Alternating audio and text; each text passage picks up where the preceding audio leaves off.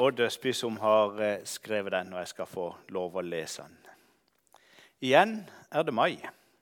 Igjen er det flagg og faner, hornmusikk og fryd over nytt liv som spirer frem, og over fred og frihet. Igjen er det tid for ettertanke og takksigelse. Fra å være gitt som morgengave til en dansk dronning, og senere gitt til Sverige som straff for Danmarks allianse med Napoleon, ble vi smått om senn en egen nasjon med eget flagg og parlament.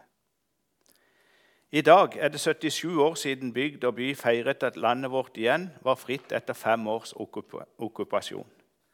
Færre og færre av nordmenn husker den dagen, men alle har vi hørt og lest og sett bilder av jubeldagen. Oppslaget på et butikk, butikkvindu er blitt ikonisk. Lukket på grunn av glede. Men stadig klarere blir det for oss at fred og frihet ikke er noen selvfølge, og at friheten har sin pris. Når ting gjentar seg ofte nok og består år etter år, er det lett for oss mennesker å ta dem for gitt. En god øvelse for å motvirke likegladhet er å tenke seg hvordan tingene ville ha vært om våren aldri kom, om vi måtte leve i frykt for væpnede angrep, om butikkhyllene var tomme osv. Hvor riktig ville det være om vi denne våren struttet av takknemlighet, omtanke og gavmildhet? Våren her nord er en dypt forankret kollektiv kapital av glede, forundring, lengsel og livsglede. Naturen bruser av energi og lyd. Svart, godt, brunt blir til grønt i alle varianter, og en blomsterprakt i alle farger. Jo eldre man blir, kan man stemme i med Åsmund Olavsson Vinje. Ennå en gang fikk jeg vetteren at sjå for våren at drømmer. Utallige er diktene og sangene i vår nasjonalskatt som omhandler våren. Også i Bibelen har grønne vekster i alle fasonger stor plass. Den omtaler omtrent 120 forskjellige planter. Det startet med en hage og ender med livets elv med eviggrønne trær på bredden.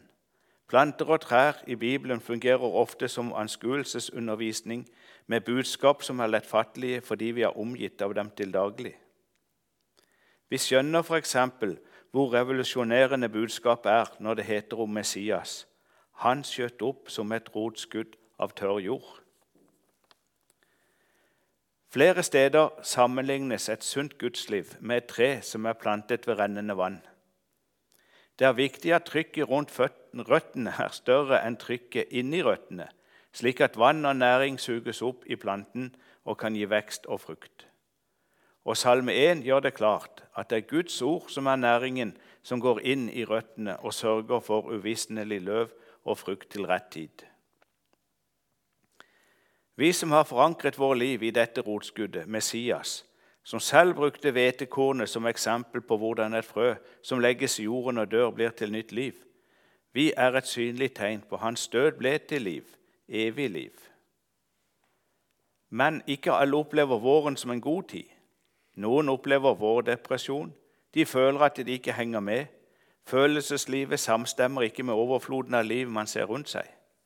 Det er en realitet vi må ta med i regnskapet i vår tilværelse på denne fantastiske, men likevel ufullkomne planeten.